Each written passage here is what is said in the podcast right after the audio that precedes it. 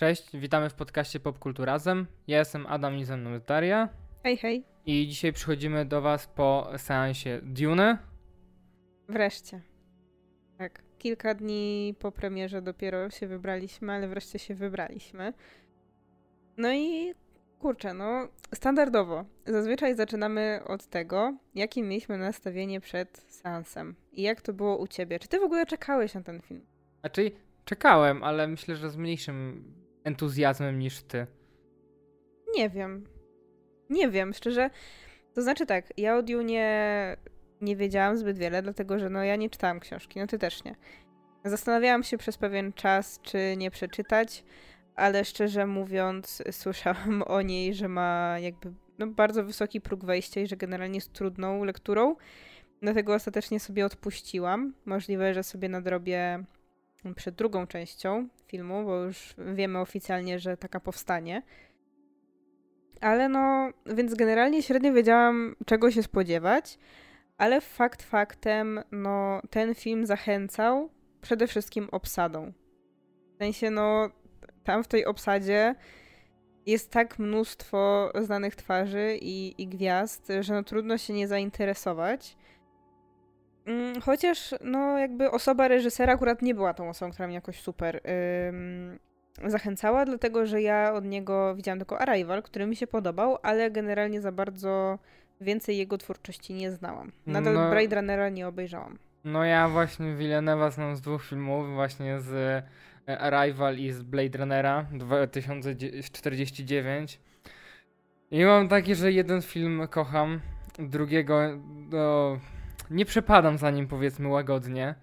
E, no i właśnie ciężko mi było powiedzieć, bo Duna mi się zapowiadała właśnie jako taki drugi Blade Runner i tego się obawiałem, że film będzie miał ładne widoki, ale tak naprawdę nie będzie miał do zaoferowania dla mnie przynajmniej nic więcej, a jest tak troszkę lepiej niż się spodziewałem. Znaczy troszkę, nie, jest lepiej niż się spodziewałem, może tak, bo troszkę to, to by było takie, że eh, ale podobał mi się.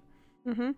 To znaczy, tak, jeszcze no wydaje mi się, że na ogólny jakby odbiór tego filmu, jakby na nasze oczekiwania mogło wpływać to, że generalnie w naszej bańce internetowej przez ostatni, nie wiem, miesiąc, może nawet więcej, no trwały um, po prostu zażarte dyskusje na ten temat, bo no generalnie okazało się, że Duna generuje duże ilości emocji.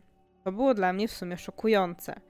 Bo oczywiście ja wiedziałam, że to jest książka, która no, jest znana, jest jakimś tam klasykiem, jeśli chodzi o literaturę science fiction, ale no nie była ona nigdy jakoś popularna w, moj, w moich kręgach. Jakby no usłyszałam o niej dopiero przy okazji właśnie zapowiedzi tego filmu, a się okazało, że jakby no jej ekranizacja e, okazała się być czymś, co niszczyło przyjaźnie, y, tworzyło sojusze i w ogóle. W internecie naprawdę rozgorzało i, i trochę tam konfliktów się stworzyło. No bo z jednej strony mieliśmy ludzi, którzy na ten film bardzo czekali y, i tworzyli wokół niego ogromny hype i jednocześnie moim zdaniem troszeczkę robiąc mu pod górę, dlatego że z tych wypowiedzi jak to niektórych nazywają, duniarzy, wy, wynikało, że ten film będzie czymś takim jakimś dziełem monumentalnym, który będzie tak, wiesz, skomplikowany, że tam połowa ludzi to możliwe, że go nie zrozumie, ale to nic, bo my rozumiemy, bo my przeczyta przeczytaliśmy książkę. No i generalnie wynikało z tego, że to będzie po prostu kino przez wielkie K i coś co zrewolucjonizuje w ogóle, nie wiem, kino science fiction i nic lepszego nie powstało. Jakby tak to trochę brzmiało. Więc ja się przez to trochę obawiałam, że to będzie taki film, gdzie ja po prostu będę musiała siedzieć z zapałkami między powiekami, bo jak mrugnę, to po prostu pominę coś i już nie będę wiedziała o co chodzi. Okazało się, że tak nie jest. Okazało się też, że to nie jest taki film, tak jak ty mówiłeś, który jest głównie ładnymi obrazkami E, ale no generalnie nie ma nic więcej do zaoferowania. No i nie jest też tym, co zarzucali, albo jakby co zakładali sobie ludzie, którym Duniarze przeszkadzali, więc generalnie się już zniechęcili przed oglądaniem i twierdzili, że to będzie yy, nuda i pompatyczne bzdury. To też tak nie wyszło. To jest generalnie no całkiem dobry film. Chociaż no ma swoje wady i ja zdecydowanie nie uznawałabym go za arcydzieło. Na pewno no w moich w moich oczach on nie jest arcydziełem, ale jest dobrym filmem. Po prostu. No ja miałem trochę vibe przy okazji, jak była premiera Jokera, gdzie też się trochę ludzie podzielili na dwie strony. I tutaj w sumie podobnie, że masz tą wielką wojenkę i mam trochę wrażenie, że ciężko mi oceniać teraz ten film jako sam film, przez całą tą otoczkę, która powstała wokół tego filmu, no bo nie mogę się odciąć od tych wszystkich opinii, od tych wszystkich ludzi, którzy uważają, że no, to jest arcydzieło i nic już tego nie przebije, no bo czytam to i jakby żyję tym, no bo żyję popkulturą i żyję też tymi ludźmi, którzy żyją filmami, więc no mam teraz, mam trochę takie podejście, że przez to, że ludzie tak wychwalali ten film ponad niebiosa, to miałem takie no nie, no w sensie znowu to będzie coś takiego jak Joker, że będzie siliło się na coś super mądrego, super y, intelektualnego, co zrozumieją tylko wybitne jednostki na tym świecie.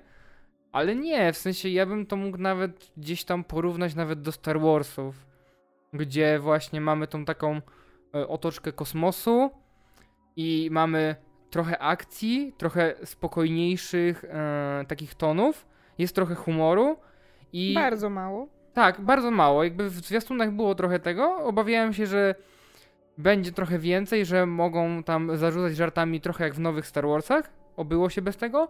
I właśnie, że, to są, że będą to takie, mm, te, takie stare Star Warsy, tylko z ładnymi widokami. I mam wrażenie, że trochę tak jest, że my się wydaje, że nie wiem, za 10, za 15 lat ludzie będą uważali ten film za kultowy. I mi się wydaje, że może tak być.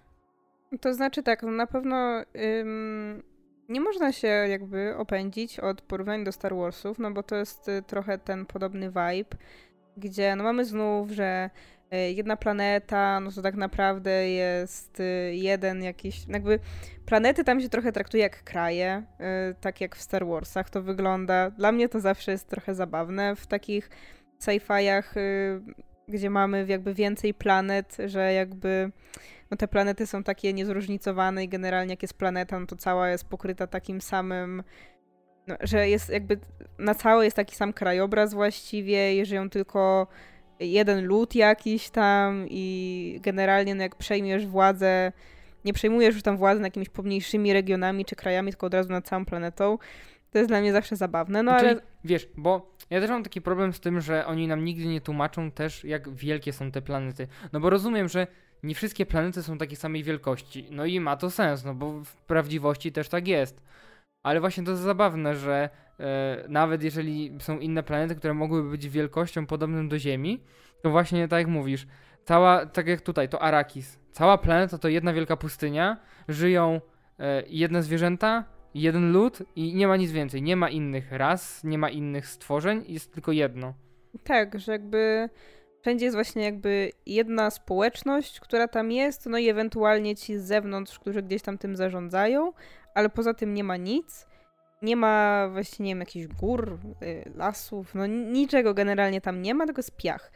No, mnie to bawi, ale no przywołuje to Star Warsy, no chociaż nie zapędzałabym się aż tak z porównaniem do Star Warsów, no bo Star Warsy to jest jednak przede wszystkim przygodówka, Mm, która jest y, no, dość luźna w swojej formie, pomijając kwestię tego, że tam cały czas jest wojna galaktyczna. Tutaj też oczywiście mamy jakieś tam konflikty, mm, ale to wszystko się wydaje takie no, bardziej na poważnie jednak, wiadomo. Powiem ci, wydaje mi się, że czwarta część Star Warsów też była taka bardziej na poważnie. Nie.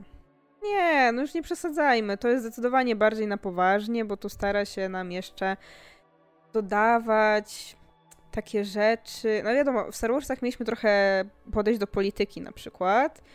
Tu niby ta polityka jest, ale moim zdaniem nie wybrzmiewa zbytnio, bo to jest bardzo proste, ale to myślę, że dojdziemy do tego później.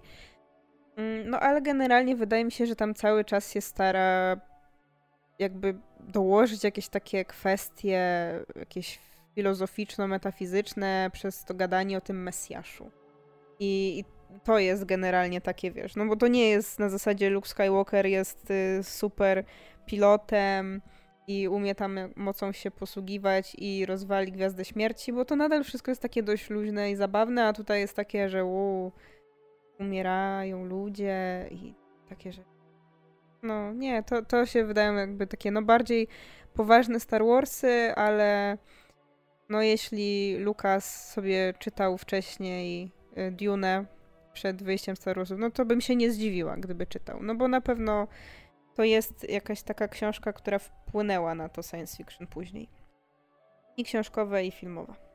No, ale generalnie jeszcze tak podsumowując, yy, bardzo krótko, tę całą właśnie dysputę pomiędzy duniarzami i antyduniarzami, to ja bardzo nie lubię symetryzmu, ale ja w tej sytuacji trochę tak usiądę okrakiem na płocie, bo z obu stron y, są elementy, z którymi ja się zgadzam. W sensie zarówno osoby, którym się ten film nie podobał, y, potrafiły wskazać takie jego minusy, które ja też dostrzegam. I ci, którzy go wychwalają pod niebiosa, również doceniają pewne kwestie, które ja też bardzo doceniam w tym filmie. Więc no, ja jestem jakby entuzjastyczna, ale w umiarkowany sposób. Tak bym, tak bym e, podsumowała moje podejście do tego filmu. To ja myślę, że jestem bardziej z tej drugiej strony, ale. Której drugiej? No w sensie, że jestem bardziej tym mniej e, entuzjastycznym, ale jest spoko film. Okej, okay. no dobra. Z tej drugiej strony wagi jest. Mhm. To jaki generalnie jest największy minus tego filmu? Bo no wydaje mi się, że jest taki jeden, o którym możemy powiedzieć, zupełnie nie zdradzając niczego swojego. Czyli jeżeli myślimy o tym samym minusie, to dla mnie największym problemem tego filmu jest jego długość. Tak. Bo on trwa chyba 2,35. To jest bardzo długo, w sensie to jest tyle, co trwała chyba Justice League, tyle, co trwało Endgame. Nawet Endgame trwał dłużej, nie wiem, ale jakby przeraża mnie trochę właśnie ta mm, perspektywa tego, że te filmy są coraz dłuższe. Ja już się przyzwyczaiłem do takiego standardu, że film trwa dwie godziny i uważam, że to jest taka optymalna długość. Od półtorej do dwóch. No, tak dokładnie. Później już mam wrażenie, że film zaczyna mnie trochę nużyć i mam często wrażenie, że jest przedłużany na siłę.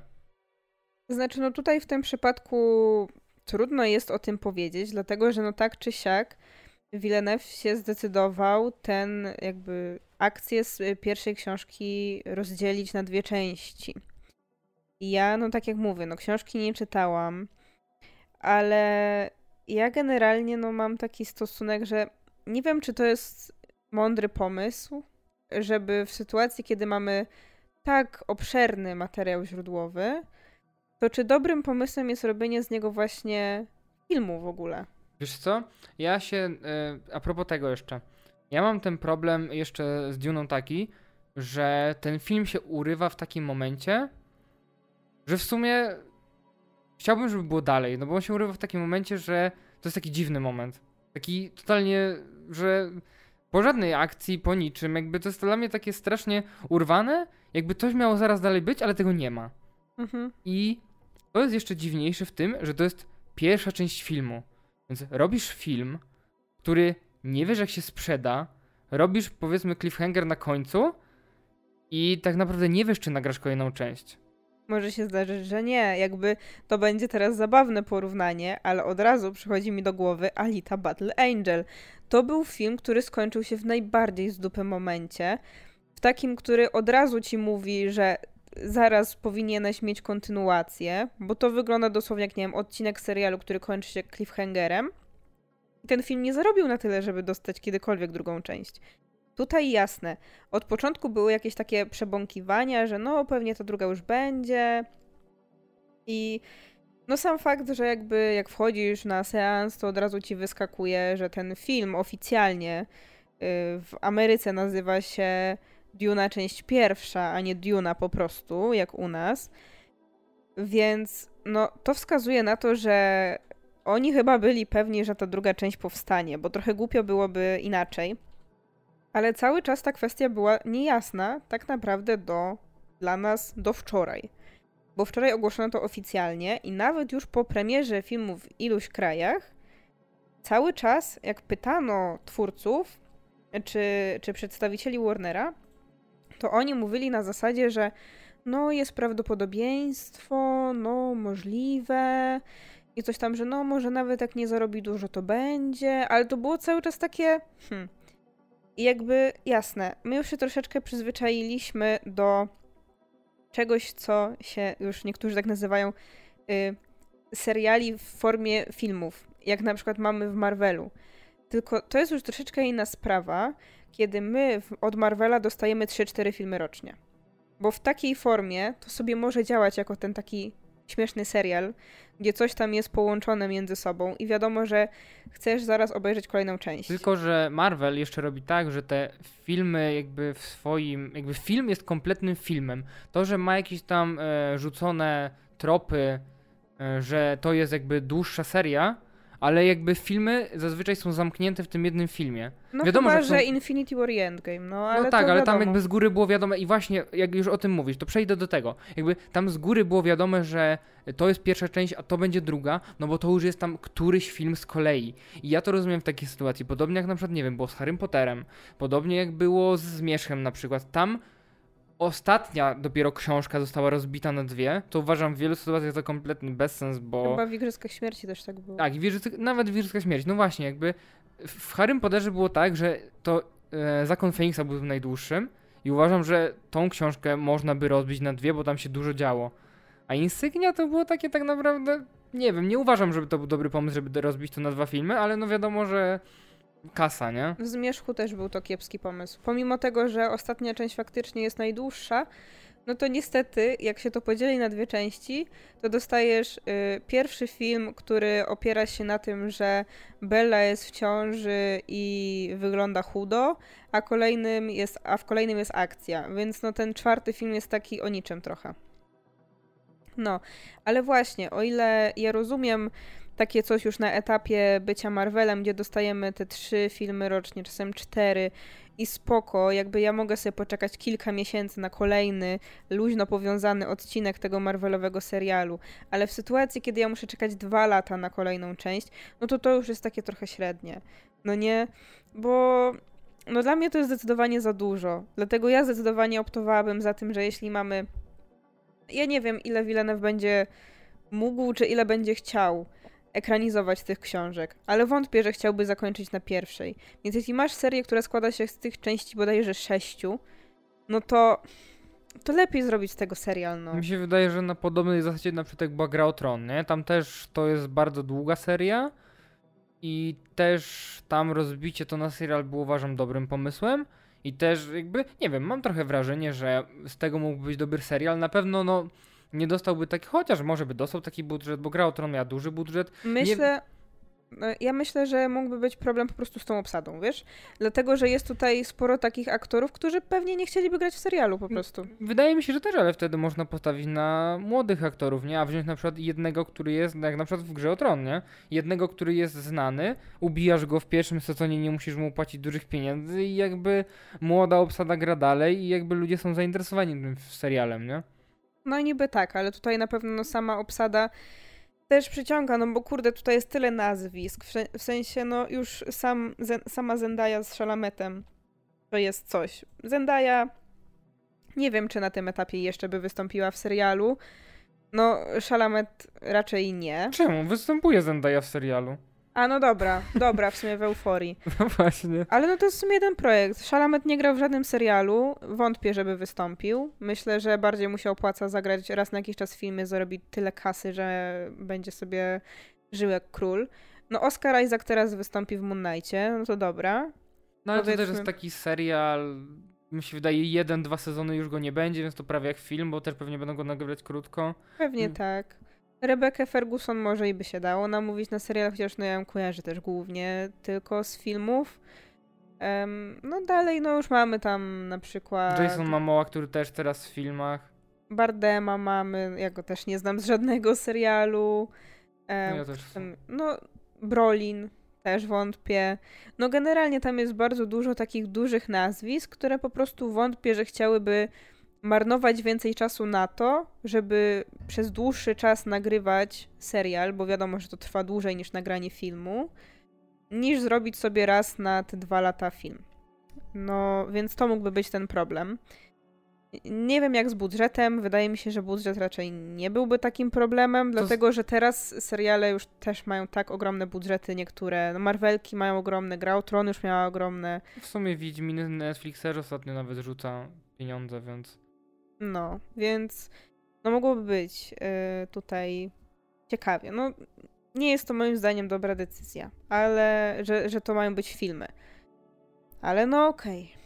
No jak wyjdzie druga, no to zobaczę chętnie, ale no jestem sceptyczna bardzo do, do tego, do takiego pomysłu. Zwłaszcza, że no tych części jest naprawdę sporo. Jakby się chciało tak całą, y, całą ją zekranizować, no to ile lat byśmy musieli czekać? No i ci aktorzy też by dorośli, to też dziwnie A, wtedy... a tam z czasem jest przeskok. Tak? Y, tak, tam później jest przeskok czasowy i są nowe postaci z tego co wiem. A, okej, bo ja Więc- tak właśnie, bo ja miałem podobnie na przykład przy e, jak to się nazywało? Opowieści z Narni.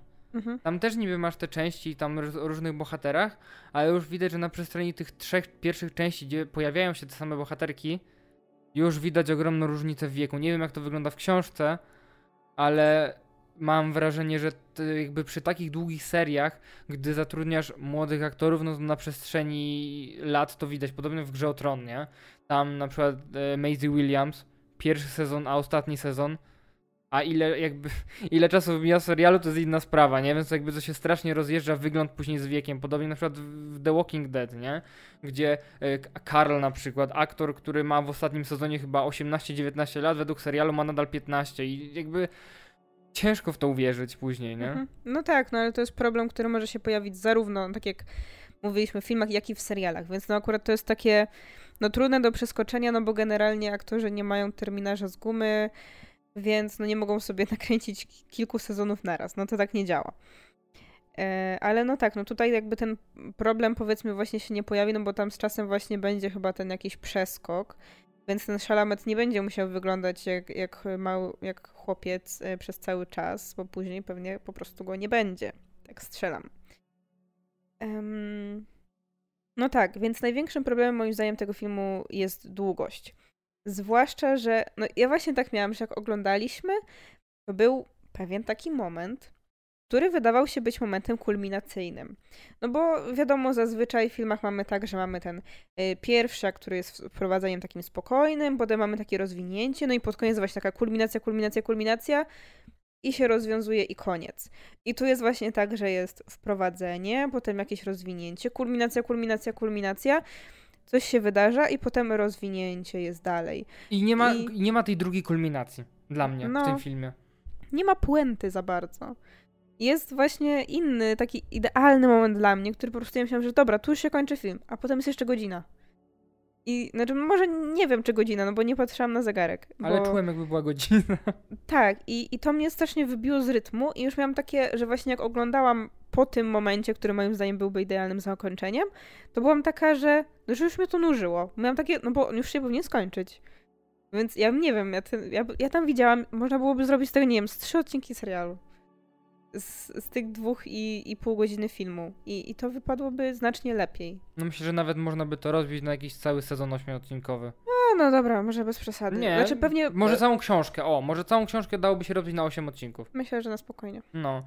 I jeszcze jeden, jak miałem obawy co do tego filmu, to taki, że to będzie straszna ekspozycja, że będzie nam się dużo rzeczy mówić, bo no właśnie to, co, co, co mówiłeś, to, co się nasłuchaliśmy, że jest duży świat, y, dużo polityki, dużo tutaj jakichś nie wiadomo jakich rzeczy i bałem się, że to będzie właśnie klepanie, dużo gadania, co się z kim dzieje i że ja tego nie ogarnę, o dziwo, jestem w szoku, bo jest bardzo, pr- bardzo w przystępny sposób wszystko podane i nie jest tak, że jest wszystko rzucone w jednym momencie, tylko gdzieś tam na przestrzeni filmu się dowiadujemy różnych rzeczy, razem w sumie z Szalametem, który słucha tych książko-filmów i to też jest bardzo fajny pomysł. Jakby to jest ekspozycja ewidentna, ale jest podana w bardzo fajny sposób i rozumiem z tego filmu wszystko tak naprawdę po tej części. Jakby wiem, jaki jest właśnie e, status quo na tym świecie, wiem o co walczą, wie kto, wiem kto kogo lubi,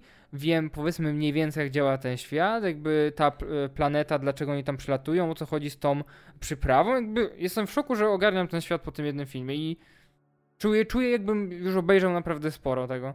Mhm. Ja właśnie się zastanawiam i dlatego w sumie chciałabym przeczytać książkę w międzyczasie, bo ja się właśnie zastanawiam, czy to nie było aż zbyt y, skrócone. To znaczy, no bo na przykład jeśli chodzi o kwestie polityczne, no to one się wydają strasznie proste. W sensie, po tym co ludzie mówili, że wow, jak polityka jest ważna w tej książce, to tutaj to wygląda dosłownie na zasadzie tak. Ci są dobrzy, ci są, ci są źli, jest jeszcze imperator, imperator zrobił to i okazuje się, że jednak tych nie lubi, więc bo to tam współpracował i to jest takie koniec. Ja mam, no i gdzie jest ta wielka intryga? Jakby kumam, że tam jest y, twist y, po drodze, że tam się tego mieliśmy nie spodziewać, ale no to, to nie była jakaś ogromna za zagrywka polityczna, nie? Więc właśnie się zastanawiam, czy po prostu e, przez to właśnie, że to jest film i nie mogliśmy tego jakby rozłożyć na więcej i jakby więcej jeszcze opowiedzieć, no bo 2,5 godziny to już i tak jest dużo, to czy nie zostało to właśnie troszeczkę tak spłycone i ściśnięte. No i ja też z drugiej strony może być tak, że po prostu ta książka się taka wydaje, no bo na przykład w starych książkach wydaje mi się, że trochę tak było. Nie wiem, czy czytałeś um, na przykład, no te, na przykład te takie wielkie dwie dystopie, nie? Czyli rok 1984 i Nowy Wspaniały Świat. Oczywiście, cał, codziennie czytam całą książkę. O Jezus, no to są dość znane książki. No wiem, wiem, wiem, wiem. No i na przykład... E... Znam, codziennie czytam przecież. No, no to ja na przykład w tym roku dopiero po raz pierwszy czytałam Nowy Wspaniały Świat, nie tak jak ty, który już przeczytałeś ją kilka razy. Eee, czytałam ją i na przykład no w tamtej książce jest taki problem, że world building przerasta ym, całą akcję. To wiesz, czego ja się obawiam? Bo ja kiedyś chciałem sięgnąć sobie po Tolkiena i na przykład Władcę Pierścieni i właśnie z tego, co słyszałem, to tam jest podobnie że cały opis świata jest taki ogromny, że tej akcji wcale nie ma tak dużo. No i jakby, no, Nowy Wspaniały Świat dla mnie wyglądał w ten sposób, że mamy początek, w którym wyjaśnia nam się, jak jest zbudowany ten świat i to jest ciekawe. I powiedzmy, zlatuje połowa książki i potem mamy zacząć przejmować się bohaterami i tym, co oni robią, a ja mam ich w dupie, bo mnie to nie obchodzi, bo mnie bardziej interesował opis tego, jak sobie ten Huxley wymyślił ten świat i to było spoko, ale potem jakby no jak ci bohaterowie są, no to to nie jest ważne.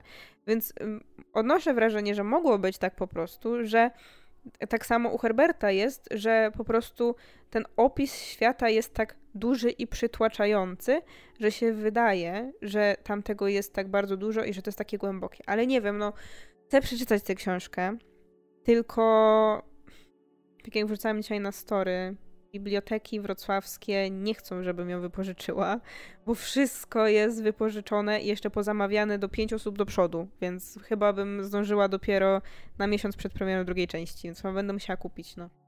Niestety. Najgorzej. No. Ja jeszcze chciałem e, przejść do aktorów, bo naczytałem się trochę o Szalamecie, że tutaj jest strasznie drewniany i ma jedną twarz przez cały film i trochę tak jest, ale mam wrażenie, że to jest trochę taka też rola, bo on jest takim trochę zagubionym chłopakiem, który nie bardzo, jakby dopiero wchodzi w ten świat, to tak mówi ten ojciec, że on gdzieś tam chce jechać, a ojciec mówi nie no, ty masz zostać na tej planecie i ty dopiero polecisz jak e, wszystko tam będzie ogarnięte. Więc to jest trochę tak, że on siedzi w tym zamku, czy gdziekolwiek on jest i nie zna tego świata zewnętrznego, więc jakby trochę też tak te emocje może nie bardzo z niego wybrzmiewają. Bo też jest widać mocno zamknięty w sobie, bo nawet jak gdzieś tam ma te sny i ludzie pytają o te sny, no to on też nie, nie za bardzo jest otwarty. Więc wydaje mi się, że po prostu on jest introwertykiem, dlatego tak się zachowuje. Ja myślę, że on nie jest introwertykiem, to on jest po prostu trzymany pod kloszem. Bo jest księciem i jeszcze dodatkowo są pokładane w nim te ogromne nadzieje, przez to tam jego matka i tam te wszystkie jakieś mistyczne baby sobie myślą na jego temat. Więc z jednej strony jest, wiesz, no jesteś księciem, to musisz siedzieć tutaj, jesteś następcą tronu, e, musisz być grzeczny, nic ci się nie może stać, więc nie możesz nigdzie jechać, masz siedzieć tutaj. Jak my pojedziemy wszyscy, to ty pojedziesz też. Z drugiej strony mamy właśnie tą matkę, która jakby wiesz, są te przepowiednie, że, no, że on może być kimś y, więcej, kimś bardzo ważnym, więc no tym bardziej będą go pilnować. Jest jedynakiem do tego. No to tak naprawdę to jest dzieciak, który całe życie siedzi tylko ze swoimi rodzicami. No to jak on ma być jakiś, nie wiem, towarzyski i coś, jak on nie ma znajomych, jedyni jego znajomi to są ci tam, ten Duncan, y, Jason Momoa, I, Z- i Brolin. no, super kumple, nie? 6 lat starsi od O, niego. tak już jesteśmy przy nich, to ja jestem w szoku. Jak mam, wygląda bez brody. Jezus Maria, byłem w szoku. On nie miał w ogóle brody tam? No nie właśnie, byłem taki zdziwiony, jak on ma taką gładką twarz. Ja zawsze go widziałem z brodą. Mhm. No. I byłem tak w szoku, ale jak tak dziwnie wygląda. Totalnie nieswojo się czułem, jak na niego patrzyłem. Mm. Ale jeszcze nawiązując do aktorstwa, to ja właśnie co do aktorstwa mam troszkę. Mam takie mieszane uczucia. Dlatego, że ja się domyślam, że te postacie takie miały być. Ale przez to, że te wszystkie postaci są właśnie takie chłodne i takie poważne, to tak naprawdę. Znaczy, no, jedynym właśnie wyjątkiem jest ten Duncan, y, czy, grany przez Jasona Momoe. Jakby no, Momoa pasuje do takiej roli. E, takiego właśnie, że trochę próbuje robić takiego mieszka, że takiego trochę starszego brata dla Wiesz- tego Pola. Wiesz, kogo mi on tutaj trochę przypominał? Nie. Trochę Aquamana. No nie, Trochę mi no zajeżdżał nie, Aquamanem. Boże, bez przesady, no. Znaczy powiedziałem, że troszkę zajeżdżał mi Aquamanem. Że też no był na przykład, bo to gra ten sam aktor, ale no już bez przesady, nie no, bo Aquaman to, to nie, to jest zbyt luźna postać, aż jak tutaj. Jakby on jest tutaj zabawny na standardy bardzo poważnego filmu, nie? I, I właśnie ja miałam przez to problem z tym, żeby w ogóle poczuć sympatię do któregokolwiek z bohaterów. To prawda. Mam wrażenie trochę, że wszyscy są właśnie tacy podniośli i wszystko jest takie poważne, że wszyscy grają trochę na jedno kopyto, że nie ma tutaj postaci, która się jakkolwiek wyróżnia. Trochę e, Chalamet gdzieś tam ma swoje momenty i właśnie trochę Momoa, a reszta tak naprawdę ciężko mi powiedzieć ich charakter. Wszyscy są poważni i to jest jakby ty, No. tyle znam z ich roli. No dlatego właśnie te i gra aktorska, jakby ogólnie te postacie wydały mi się takie strasznie płaskie. Właśnie, że nie mogę powiedzieć o kimkolwiek, że na przykład, że jest sympatyczny, albo że za, nie wiem, trzymam kciuki za, za tego bohatera, że że ktokolwiek jest dla mnie jakiś istotniejszy, czy coś, bo jakby wszyscy byli tak, no okej, y, ciekawi mnie ta fabuła, chcę oglądać dalej, ale, ale nie lubię żadnych bohaterów, no bo jak mam ich polubić, jak, no, ja ich nie znam za bardzo, no nie wiem, co oni czują. A propos tego, wiesz, jaki ja mam problem jeszcze z tym filmem? A Jaki? propos tych postaci? Że ja trochę nie bardzo pamiętam, jak oni mają na imię w tym filmie. W sensie, że. Bo przez to, że to są takie duże nazwiska i znam aktorów bardzo dobrze, a przez to, że te wszystkie postaci filmu były dość podobne do siebie, to jakby ciężko mi przypomnieć sobie niektórych imiona. No bo wiadomo, że ten Duncan, kojarzę też, że był Leto, e, to Oscar Isaac, a ja nawet nie pamiętam, jak miał na imię Chalamet filmie. Paul. Okej, ale mówię właśnie, to jest też problem dla mnie. No Nie, no ja to kojarzę akurat z tego, że ludzie się śmieją, że mamy wielki świat sci-fi, a główni, bohater, e, główni bohaterowie nazywają się Paul i Jessica. A, okej. W sensie y, ten Chalamet i jego matka. Paul i Jessica. Zajebiste. No i jeszcze jest Zendaya, A jak ma na imię Zendaya w filmie? Chani. No ja nie wiem, ja nie pamiętam. Ale Zendaya to jest w ogóle ciekawy case. No, To też zapewne wynika z tego, jak wygląda materiał źródłowy. Ale jeśli generalnie nie widzieliście jeszcze, nie widzieliście jeszcze tego filmu i chcecie iść, bo lubicie Zendaję, to nie idźcie, kurde, bo Zendai jest 5 minut. tak, to w ogóle ciekawe, bo mam wrażenie, że wszystkie zwiastuny ją kreowały jako taką drugą główną bohaterkę zamiast obok Shalameta, Tak. a jej film jest tak naprawdę gdzieś tam w tych jego snach, które widzimy w zwiastunie i pod koniec i to jest wszystko. Tak, i to jest zabawne. Widziałam, już mówiłam ci o tym, ale jeszcze przed seansem widziałam taki filmik na TikToku, gdzie ktoś właśnie nabijał się, że ten film generalnie wygląda w ten sposób, że Paul i wszyscy inni bohaterowie przechodzą jakąś wielką drogę i tam dramaty życiowe i wszystko, a w tym czasie bohaterka Zendai gra po prostu w reklamie perfum, bo tam są dosłownie takie ujęcia, one się pojawiały też w zwiastunie, które wyglądają totalnie jak reklama perfum. Tylko jeszcze musiałaby jechać na koniu po wodzie. I to już by była totalnie reklama perfum.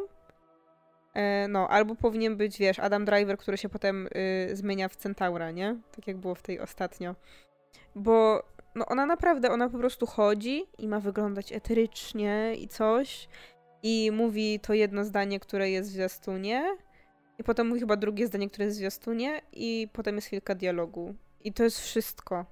Jakby fajnie Laska zarobiłaś na pewno bardzo dużo pieniędzy, ale to jest takie no, no dość mylące w zwiastunie faktycznie. No, Jeśli nie zna się książki i się tego nie spodziewa, to wypada dziwnie. To wydaje mi się, że w kolejnej części po prostu może mieć większą rolę i z tego trochę wynika z tej fabuły, że będzie, ale właśnie to jest zabawne, że reklamowali nią, a jej tak naprawdę jest tyle co na lekarstwo. Tak, albo tyle co kot na płak. Tak. I jeszcze, e, jak jesteśmy przy aktorach, to Oscar Isaac ma piękną brodę. Tak. I piękną klatę momentami. Tak, i Chalamet też. Klatę? O kurde, jak to nie? Jak zdejmował koszulkę, jak się przebierał na pustyni z matką. No, miał klatę, było widać, no przecież. No dobra, więc generalnie jest to film zarówno dla fanów klaty większej, jak i dla y, szczupłych mężczyzn. Y, Ulubie, y, wielbicieli szczupłych mężczyzn. E, no tak, no ale dobra, to, to nie jest istotne. Jak to nie jest istotne? Klata Szalameta jest bardzo istotna.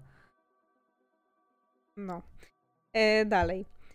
Y, no i są jeszcze na pewno dwa duże plusy tego filmu. Przede wszystkim to, jak ten film wygląda. Bo jeśli chodzi faktycznie o kwestie wizualne, to ten film wygląda bardzo ładnie i ja odnoszę wrażenie, że może być nawet jeszcze ładniejszy niż to, co my widzieliśmy, bo nie wiem czemu, ale ja mam straszne problemy z tymi ekranami w Heliosie. Że one mi się wydają jakieś takie ciemne i jakieś takie małe. Nie wiem, bo właśnie chyba już jestem przyzwyczajona do Cinema City, ale wydawało mi się, że tam jakość obrazu była lepsza niż w Heliosach. O, mi się wydaje, że Cinema City ma lepszą jakość, no. Tym bardziej, Nawet, nawet nie w IMAXie, No. nawet normalnie. no, też mi się tak wydaje, że jest lepsza jakość, to prawda. No, dlatego wydaje mi się, że ten film mógł wyglądać nawet jeszcze lepiej niż, niż my go widzieliśmy. Ale wygląda bardzo fajnie, chociaż wiadomo, że to jest film, który jest cały utrzymany w jednej takiej no, tonacji kolorystycznej, bo wszystko właściwie dzieje się na tej planecie piaskowej, więc mamy no, dużo takich y, szarości, takich piaskowych właśnie barw, takich żółci troszkę. Y, ale wygląda to nawet fajnie i w sensie dodatkowo jakby wszystkie mm, budynki jak już są, no to one też się wpasowują w taki klimat, że wszystkie są takie surowe, betonowe i stroje często też takie są, takie szare właśnie jakby wstapiające się z tym piaskiem, ale to wygląda fajnie i ogólnie jeśli chodzi o kostiumy, to jak już pojawiają się takie bardziej odjechane, to one wyglądają bardzo fajnie. Jakby te wszystkie takie kiecki, albo jak się pojawiają te takie właśnie te kobiety, te takie jakby powiedzmy czarownice, albo jak tam się jakaś tam świta pojawia z, z innej planety i mają jakieś takie właśnie wymyślne stroje, to wyglądają bardzo fajnie. Więc ogólnie na poziomie takim koncepcyjnym i właśnie ogólnie wizualnym, to ten film wygląda bardzo, bardzo ładnie i bardzo imponująco. Ja w ogóle jestem pod wrażeniem właśnie CGI ogólnie wszystkiego w tym filmie, bo zazwyczaj jak gdzieś tam oglądamy filmy, to narzekamy, że no tutaj ogień wygląda słabo, albo wybuch wygląda słabo, a tutaj naprawdę nie mam się do tego przyczepić. Właśnie te wszystkie wybuchy jak były, wszystkie batalie, jakby sceny w kosmosie, chociaż nie ma ich dużo, ale wszystkie statki, jakby jestem pod wrażeniem, że naprawdę nie miałem żadnego zgrzytu podczas oglądania filmu. Naprawdę żadnego, żadnego. Wszystko było tak perfekcyjnie zrobione, efekty specjalne, że nie miałem na chwilę nawet takiego, o, to wygląda gorzej. Nie było ani momentu. I nie wiem, czy ty też powiesz, ale ja miałem takie. Podobały mi się bardzo te statki, którymi oni latali. Te, które wyglądały jak ważki. W sensie. mam wrażenie, że takie coś w ogóle nie ma racji bytu w prawdziwości. W sensie, że. Znaczy, wiadomo, ważka lata, no, ale chodzi mi o to, że nie wydaje mi się, żeby skrzydła mogły tak się poruszać szybko, żeby unieść taki statek. Jakby nie ma to kompletnie znaczenia, jakby to wygląda bardzo fajnie. Mhm.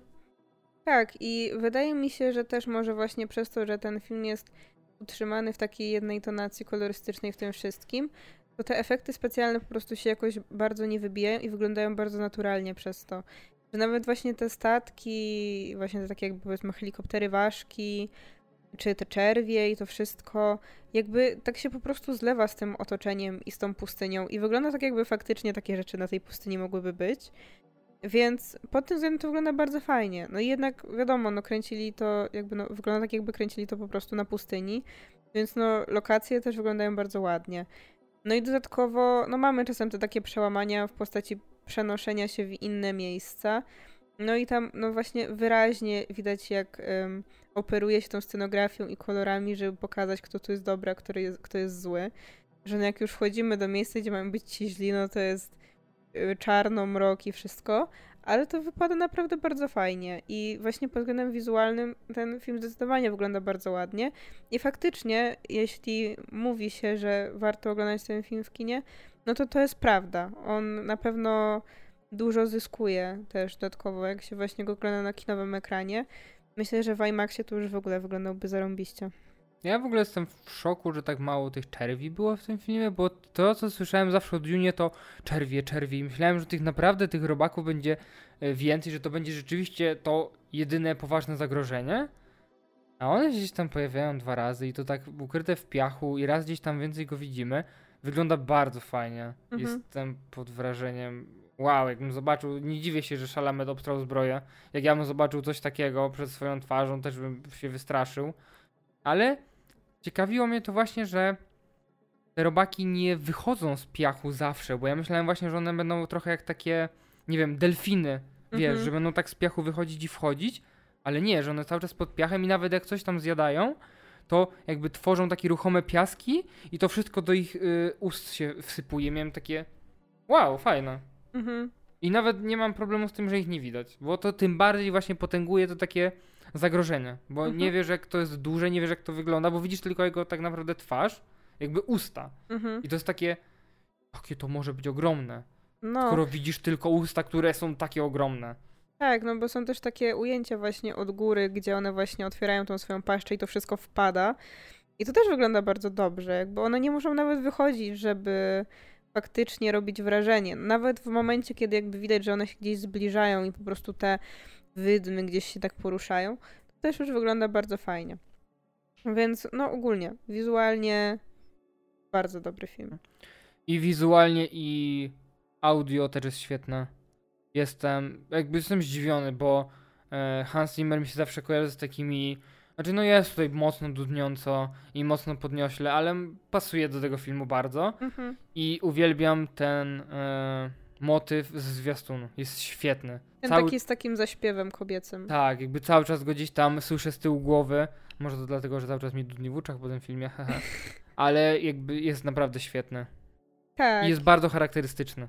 Tak, jest właśnie kilka takich momentów, które wykorzystują właśnie taką muzykę, która jest bardzo charakterystyczna, na bardzo zapada w pamięć, bo oprócz tego, no to wiadomo, jest dużo takiej muzyki, która po prostu ma być w tle i ma ci za bardzo nie przeszkadzać, ale też się nie wybija. Ale jest kilka takich momentów, w których jak wjeżdża ten motyw muzyczny, to ty go słyszysz i on ci zostaje w głowie i to jest bardzo fajne i moim zdaniem tak tak właśnie, taka muzyka filmowa mi się podoba, że jakby przez większość czasu nie przeszkadza, ale czasem właśnie wchodzą takie momenty, że ja je zapamiętuję i one zostają na dłużej. No i tutaj właśnie ten, ten, ten motyw, który pojawił się w zwiastunie był bardzo fajny, bardzo mi się podobał. No, to chyba wyczerpaliśmy wszystko, co chcieliśmy powiedzieć bezspoilerowo. Też mi się tak wydaje. Coś tam sobie jeszcze powiemy spoilerowo za chwilę. Jeżeli byliście na filmie, no to zachęcamy do słuchania dalej.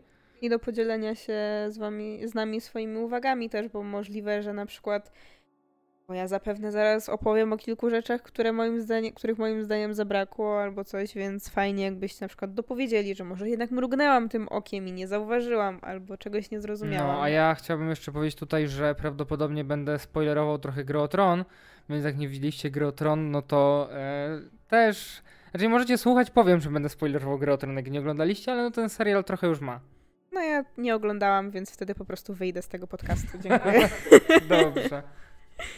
No dobra, to jeśli byliście już w kinie chcecie posłuchać troszkę o spoilerach, to zostańcie z nami, a jeśli nie, no to do kina zapraszamy. Jeśli oczywiście możecie. I noście maseczki w kinie. A...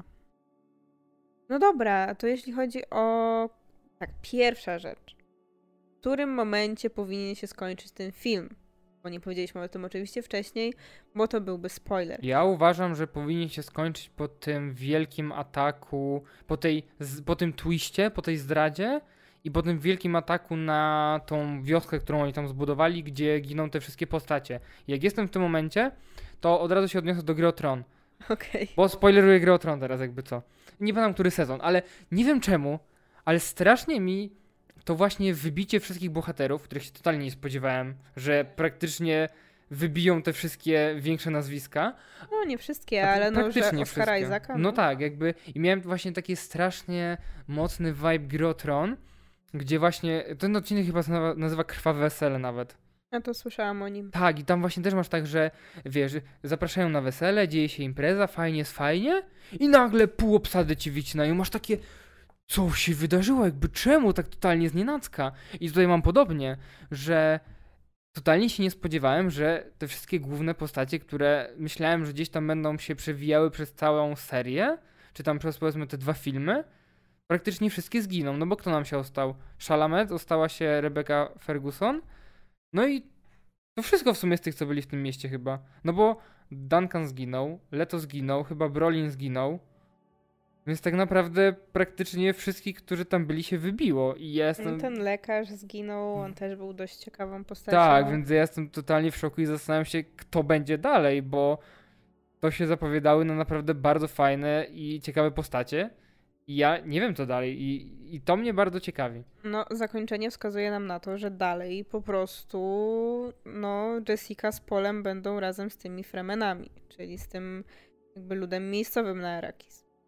No, ale no, dla mnie najbardziej takim idealnym momentem na zakończenie byłoby właśnie to, kiedy mamy właśnie ten, ten jakby nalot, mamy moment śmierci Leto i później jest ten moment, kiedy Paul ma wizję, że on w przyszłości, jak, że widzi siebie, jak dołączy do tych Fremenów i że coś tam, i że wojna będzie wielka i coś takiego. I to by było idealne zakończenie. No. Na zasadzie kulminacja i rozwiązanie, plus jakaś mała zapowiedź tego, co się może wydarzyć. Bo potem, jak on już z tą matką idzie po tych piachach, i oni ostatecznie tam docierają do tych Fremenów, jest strasznie takie. No, strasznym takim spowolnieniem po tym, jak dużo się zadziało po drodze.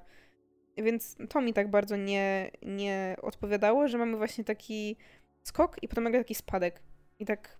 Tak, i do końca tak naprawdę filmu już nie masz znowu tego wzrostu. Skoku, tak, no. no. Tak, więc no to było dla mnie takie no nierówne, jakby na tempo mi po prostu źle wpływało, dlatego tak po prostu jak i to tempo klapło, tak i jakoś mój entuzjazm klapł, że tak oklapł, że miałam takie no wkurzyło mnie to trochę szczerze, bo ja właśnie nie lubię jak film się za długo ciągnie i taką no najgorszą rzeczą po prostu, którą można zrobić w filmie, żeby mnie zniechęcić, to jest właśnie zrobić taki idealny moment, w którym powinien się zakończyć i ciągnąć go dalej. Bardzo mnie to odrzuca po prostu. I tutaj na pewno to sprawiło, jakby to wpłynęło negatywnie trochę na mój odbiór tego filmu. Że gdyby on się skończył w tym momencie, o którym powiedziałam, pewnie podobałby mi się jeszcze bardziej niż, niż teraz. No tak.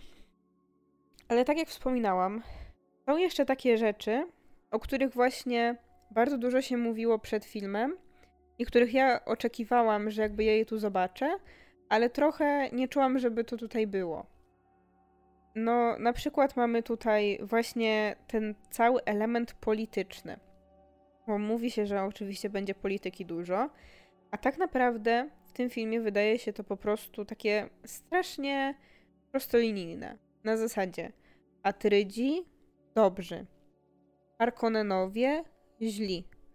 Imperator jest, zabiera Harkonnenom y, tą planetę, oddaje tym, a potem nagle twist, bo jednak okazało się, że powiedzmy w jakiś sposób chciał się ich pozbyć, też nie wiem, jakim jest ten imperator, że chciał się jakoś ich pozbyć i pomaga jednocześnie tym Harkonnenom zabić Leto. I Koniec. wiesz, jaki ja mam jeszcze problem z tym wątkiem? Bo dużo się właśnie mówi o tym, że no, bo inne ludy zaczynają gadać, że ci Arkoneni to są tacy super i on się boi o swoją władzę, że ludzie ich wybiorą i będą za nimi podążać. A ja mam takie. Ale jakie są te inne ludy? W sensie, bo w całym filmie pokazuje nam się tylko tych dwóch i tego imperatora, który rozumiem został wybrany jakimiś demokratycznymi wyborami przez inne ludy. Ale Nie wiem, bo my nawet nie wiemy, jak on wygląda, nie wiem, kim on jest. On jest jakimś bytem, o którym się mówi. Imperator? Tak. A to nie jest ten, co taki wysoki. To jest Baron Harkonnen. On jest jakby szefem tych Harkonnenów, tak jak Jezu. Leto jest w, na To Atrydów. wiesz, co mi to się kojarzy? To, to w ogóle ze Star Warsami mi się kojarzy. Masz tego imperatora, którego nie widać i jest Vader, który jakby wiesz, jest tym jego pachołkiem. Przepraszam bardzo. Baron to jest Jabba. Albo, że, a w sumie może tak być, no. Totalnie, musiała być tam inspiracja, nie? Jakby, no. Tylko nie wiem z której strony, bo nie wiem jak był w książce opisywany, ale totalnie Stellan Skarsgård jako Jabba, widzę to. Ja czytałem, że w książce było opisywane jako gościu, który jest taki wielki, że nie jest w stanie się poruszać, dlatego ma te mechaniczne ramiona, które nim poruszają. Albo Doktor Octopus. No Chociaż nie, no bo nie był gruby. duży, tak, ale no jakby miał te mechaniczne ramiona, które nim poruszały. Naprawdę, George Lucas czytał Dune przed. Totalnie. No trochę, no mówię, trochę tak to brzmi. Mówię, że jest ten imperator, który jest dziś wyżej i jest ten, który jest Vaderem, jakby mocno to wygląda, tak. Tak, no, więc jakby to było dla mnie takie. no- No gdzie jest ta, ta skomplikowana polityka i gdzie jest jakaś intryga? Chyba, że będzie gdzieś dalej jeszcze, ale jakby nie zapowiada się.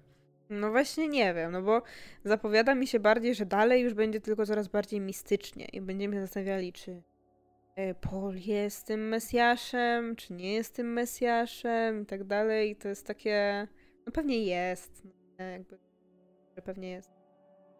Dodatkowo jest jeszcze na przykład taka kwestia, która jakby jest coś takiego, że w tym filmie czasem pojawiają się takie hasła, które jakby ja je widzę i domyślam się, że tam jest jakiś głębszy wątek, który jest rozwinięty w książce, ale ja tego nie wiem, bo tego tu nie ma. Na przykład? Na przykład to, o czym rozmawialiśmy sobie wcześniej, czyli na przykład to, dlaczego Baron Harkonnen nazywa tę planetę Duną. Bo my nie wiemy, co to jest Duna. To, to pierwsza rzecz, bo jakby on mówi, że moje Arakis, moja Duna. I to brzmi tak jakby, nie wiem, Duna to było jakieś takie właśnie, jakieś mistyczne określenie, jakby, nie wiem, jakby to miało znaczyć jakby coś takiego pieszczotliwego, że właśnie to jest jakaś ziemia obiecana, czy coś w ten deseń, no bo jakby wiemy o tym, że to jest planeta, która jest dyplomatycznie bardzo istotna, przez to, że posiada te złoża przyprawy, tak? I, I to jest bardzo ważna substancja dla nich. Ale właśnie, czemu on to mówi? Jakby to jest dosłownie po to, żeby padło, padł tytuł w tym filmie, ale my nadal nie wiemy, czym ta Duna właściwie jest, oprócz tego, że tą planetą, ale to jest dosłownie to, że jak mrugniesz, to nie będziesz wiedział. Że jak mrugniesz, to nie, nie usłyszysz, znaczy, mrugniesz, jak, jak, jak ziewniesz i ci tak pstryknie w uchu, to nie usłyszysz tego, tego zdania i nie wiesz, co to jest ta Duna. Jakby ja do tej pory nie wiem, co to jest Duna, oprócz tego, że to jest ta planeta i chcę wiedzieć, czy tam jest głębszy sens. Przestań się śmiać ze mnie. Wiesz, czego mi to kojarzy? Jak mój brat powiedział kiedyś, jak kupowaliśmy jedzenie, ja mówię, że ja nie będę jadł, bo później jak będę jechał i prowadził. I z tym mi się to skojarzyło, nie są. Pozdrawiamy cię, Jak mrugnę, to nie usłyszałam. No nie mogę. No dobra, no wiesz o co mi chodzi, nie? Ale właśnie to jest jedna ta rzecz. Jest jeszcze druga rzecz. Jest druga rzecz, której em, ja bym pewnie właśnie nie zauważyła, w sensie nie zwróciłabym na nią uwagę, gdyby nie to, że wcześniej e, przeczytałam jakiegoś tweeta na ten temat. E, Zanim obejrzeliśmy film. Bo tam generalnie podobno w Dune istotne jest to, że ta Jessica nie jest żoną Leto tylko ona jest jego konkubiną. I, to tutaj jest w też. pewien sposób istotne. Tak. Ale dlaczego? Nie jest nie, to nie, powiedziane. to prawda. Jest tylko powiedziane, że on gdzieś tam chyba wspomina, że. Szkoda, że y, cię nie poślubiłam. Tak, no coś takiego, no było. A najlepsze jest to, że na samym początku jakoś była rozmowa tego Harkonnena z kimś i oni mówią, no Jessica żona tego. Najpierw nazwali ją żoną, potem nazwali ją konkubiną A potem właśnie on y, jakby już będąc taki słaby i coś mówi, że szkoda, że cię nie poślubiłem. I to, że oni wspominają kilkukrotnie o tym, że ona nie jest jego żoną, wydaje się być istotne.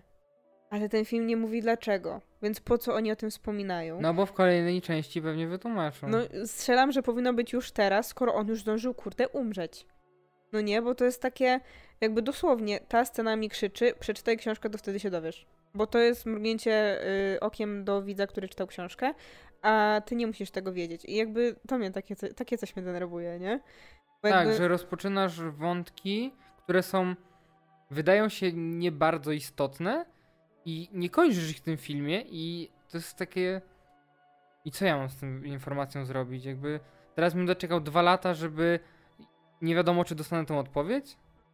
I nawet nie wiadomo, czy to jest istotne, no bo tak naprawdę ja oglądając ten film, dziś zwróciłem na to uwagę i dla mnie to po prostu była informacja, no okej, okay, nie wzięli ślubu, jakby ludzie tak robią, jakby nie wszyscy muszą żyć, y, jakby y, w związek małżeński wchodzić, nie? Jakby dla mnie to nie była jakaś super ważna informacja. No ale jednak podkreślili to. Po co?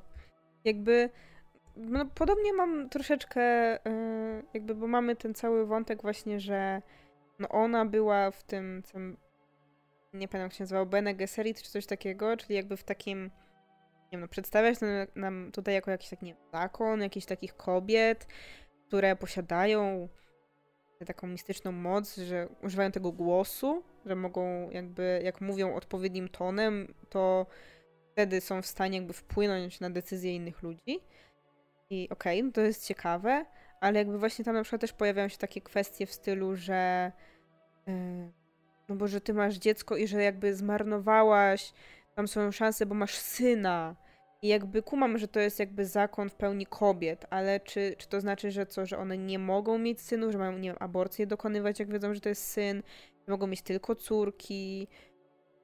Czy o co chodzi? Ja też... Czy to, że ona odeszła z tego zakonu i ma konkubenta, partnera, to jest coś złego? Nie wiem. No właśnie ja to rozumiem tak, że one właśnie wychodziły z tego zakonu, ale to też było takie, jakby ona też jest kogoś córką, taki, no wiadomo, że jest kogoś córką, ale w takim sensie, że ona też jest jakby tą genetycznie zmodyfikowaną osobą, która... No nie genetycznie zmodyfikowaną, ale w sensie, że oni dobierali idealne, no trochę taką hodowlę robili. No tak, ale właśnie, czy jakby ten Leto też jest jakimś tam ideałem, który do niej pasował, żeby wyszło coś znowu lepszego? Strzelam, że tak. Dla, no właśnie i to jest takie, i po co oni to robią? No, no bo, bo oni chcą map... Tak, bo chcą wyhodować tego Mesjasza, tak? tak? Ale czemu? To też nam się nie mówi. No jakby było tam, że no, że czekają, bo no. on ma wiedzieć więcej czy coś takiego. Ale no to jest takie nadal to jest coś takiego, że ja wiem, że na pewno w książce są pewnie trzy strony poświęcone, że, gdzie oni opisują, co to jest. Jakby 30 chyba chciałeś powiedzieć. Może. Więc jakby, no tu mam ten taki niedosyt, nie? Często tak jest z ekranizacjami książek, że jakby ludzie właśnie narzekają na to, że no pominęli to, że spłocili.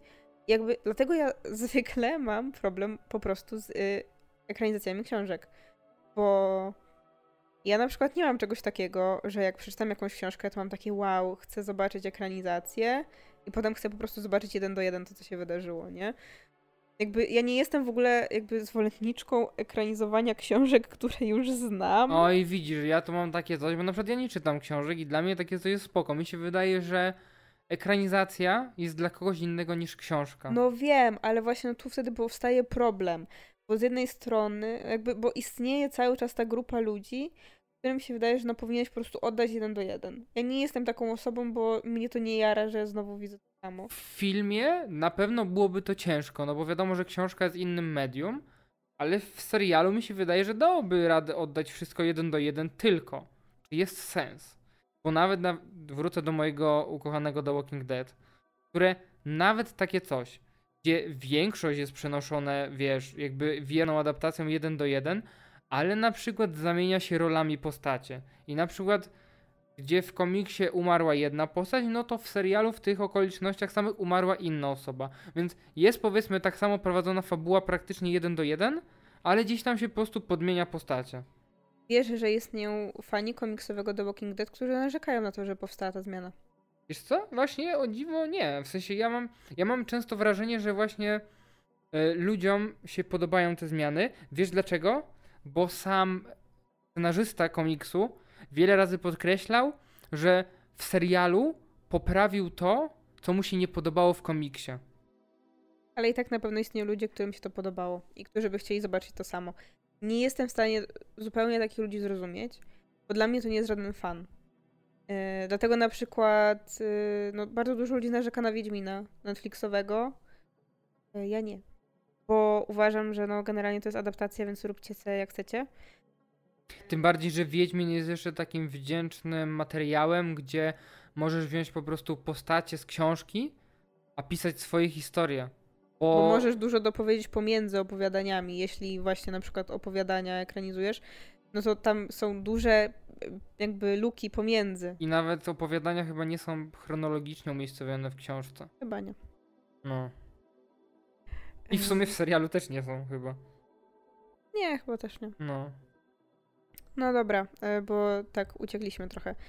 No ale właśnie, jest właśnie kilka takich rzeczy, które mnie troszeczkę drażniły, dlatego że właśnie ja, ja czułam, że tam powinno być coś głębszego, ale przez to, że ja nie znam książki, to ja tego się nie dowiem.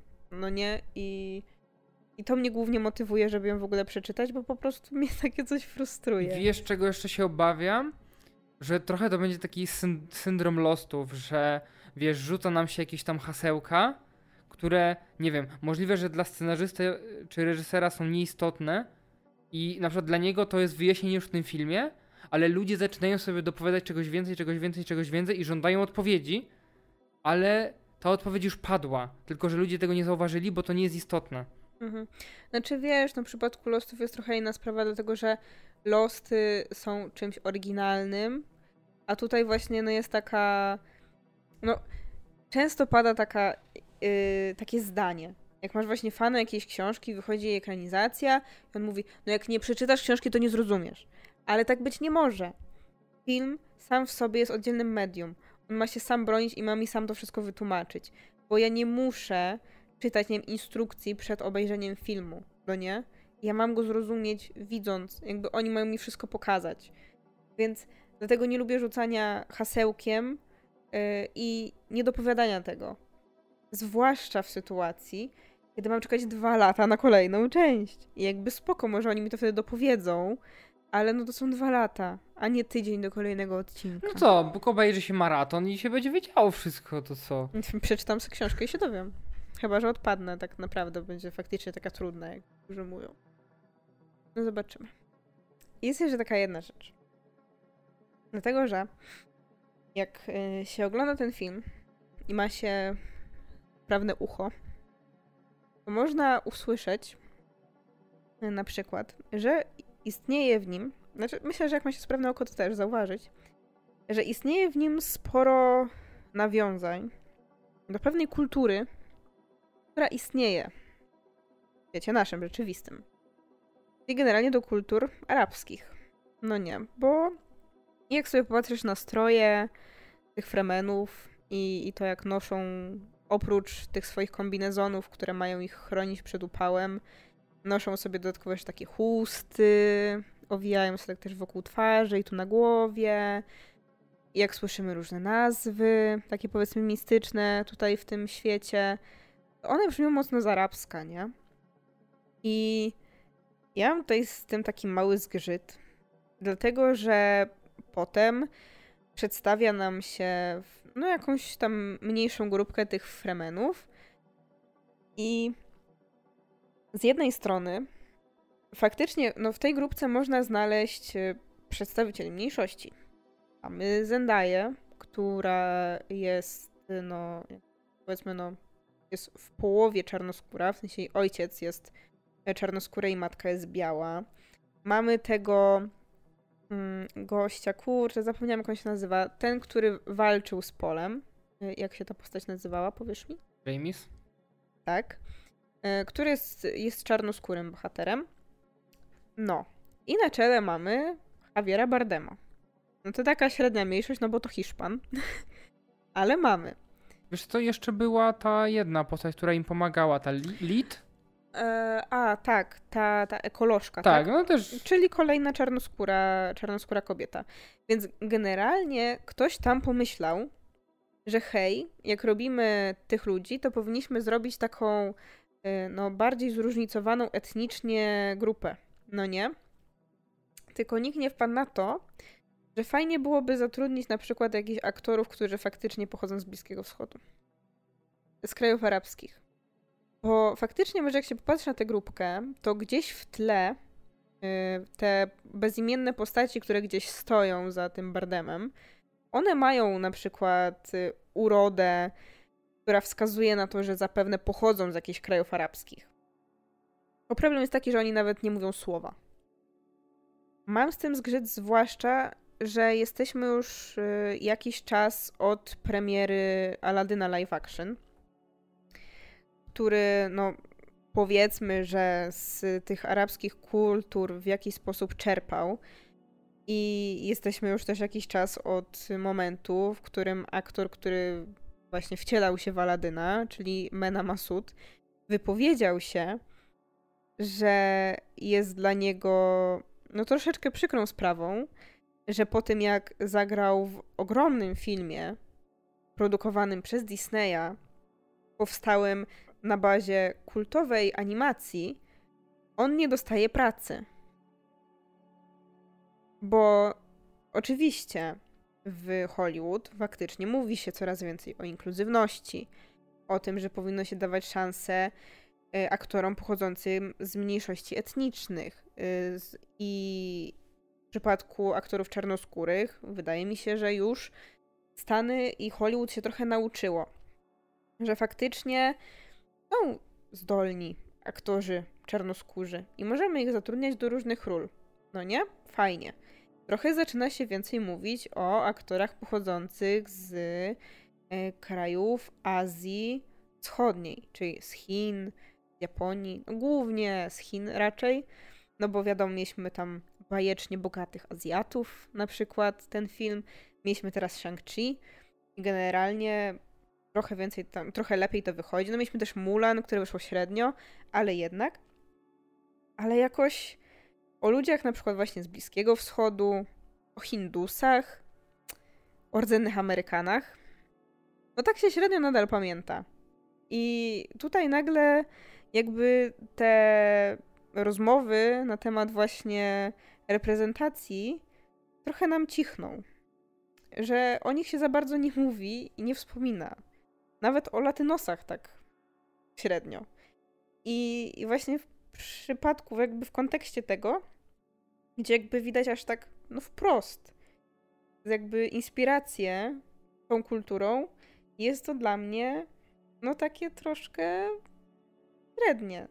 No, że gryzie mnie to w oczy, że, że faktycznie nie postanowiono dać szansy jakiejś większej roli chociaż jednemu aktorowi, który nawet byłby Amerykaninem pochodzenia arabskiego. Zgadzam się i tak jak rozmawialiśmy w sumie jeszcze poza e, podcastem, że e, ten aktor, Mena, mówił, że chce założyć, czy już założył to takie swoje studio, w którym będzie zatrudniał osoby z mniejszości. I to też jest bardzo fajne, ale z drugiej strony. Dlaczego, tak, przykre, bo dlaczego on musi to robić? I to mi bardzo przypomina tą sytuację z Jordanem Pilem, który też jest, wow, jest wybitnym teraz reżyserem i scenarzystą chyba też. I o nim też się słyszało tyle, że on nie mógł znaleźć pracy, więc w pewnym momencie się wkurzył i założył swoje studio i robi teraz filmy swoje i zatrudnia czarnych aktorów, bo nikt nie chciał z nim pracować, nie? I to też jest niby z jednej, z jednej strony fajne, no bo daje pracę ludziom z I mniejszości. Daje, I zwraca uwagę na problem. Tak, a z drugiej strony to jest smutne, że on sam musi to robić, że nie, nie ma w tym żadnej pomocy. Tak, i ja z jednej strony oczywiście się cieszę, że, że Masud wpadł na taki pomysł i mam nadzieję, że tworzy jakieś fajne rzeczy i że mu to wyjdzie, ale z drugiej strony mam troszeczkę takie przeczucie, że to nie przejdzie takim echem jak w przypadku Jordana Pila. No chyba, że rzeczywiście okaże się, że jest jakimś super reżyserem i super te filmy będzie produkował, nie? Ale no wiadomo, że to Znaczy, jest... no on nie jest reżyserem, on jest aktorem i może być producentem. Tak, ale jakby wiadomo, że to pewnie troszkę jest inna skala, nie? Tak, no bo jakby ja oczywiście rozumiem, dlaczego głównie o czarnoskórej mniejszości mówimy w Stanach. Jakby to jest, to jest zupełnie zrozumiałe. Po pierwsze, to jest największa mniejszość. Po drugie, to jest ta, która no, obok rdzennych Amerykanów, no prawdopodobnie wycierpiała najwięcej przez niewolnictwo, no nie? Ale no na przykład właśnie no kwestia rdzennych Amerykanów dla mnie nadal jest bardzo przykra. Choć no jednak rdzennych Amerykanów pozostało po prostu też bardzo mało. Ale no sam fakt, że właściwie nie mamy okazji oglądać filmów o nich albo filmów reżyserowanych czy produkowanych przez rdzennych Amerykanów, no jest moim zdaniem po prostu smutny. I mam nadzieję, że to się zmieni. Zwłaszcza teraz, kiedy troszeczkę zaczęto o tym więcej mówić. Nawet no, w przypadku tego serialu, o którym już wspomniałam, czyli Reservation Dogs, który bardzo bym chciała obejrzeć, jak będzie taka możliwość. Mam nadzieję, że będzie w Polsce taka możliwość. Mam nadzieję, że będzie trochę więcej, yy, więcej będziemy o tym mówić i, i może faktycznie coś to zmieni. Byłoby fajnie. Ale no, no nie wiem. Mam nadzieję, że Hollywood faktycznie jeszcze bardziej będzie się starało, żeby faktycznie te, te mniejszości e, do, do swoich produkcji wprowadzać. No właśnie, zwłaszcza w sytuacjach, kiedy wyraźnie czerpie z jakiejś konkretnej kultury. No bo to istotne. Dokładnie. To dziękuję wam za uwagę. Tak, to chyba wszystko. W sumie rzadko się zdarza, żebyśmy nagrywali, żebyśmy więcej gadali w sekcji bezspoilerowej niż w tej spoilerowej. Tak, ale mi się wydaje, że to też był taki temat, gdzie dało się dużo porozmawiać bez spoilerów, no bo tak naprawdę tych spoilerów nie ma tutaj za dużo. Taki, nie, nie ma czego zaspoilerować za bardzo w tym filmie. Znaczy można, ale to nie są raczej takie kwestie, które są super dyskusyjne. O, tak bym powiedziała, no nie? Mhm. No. To mnie wszędzie w internecie możecie znaleźć pod nickiem Adaś Alex. A mnie możecie znaleźć na facebookowym fanpage'u Ocieplanie wizerunku Skandynawii o skandynawskim kinie i na książkowym Instagramie Daria Podłoga OWS. I do usłyszenia kolejnym razem. Cześć! Pa, pa.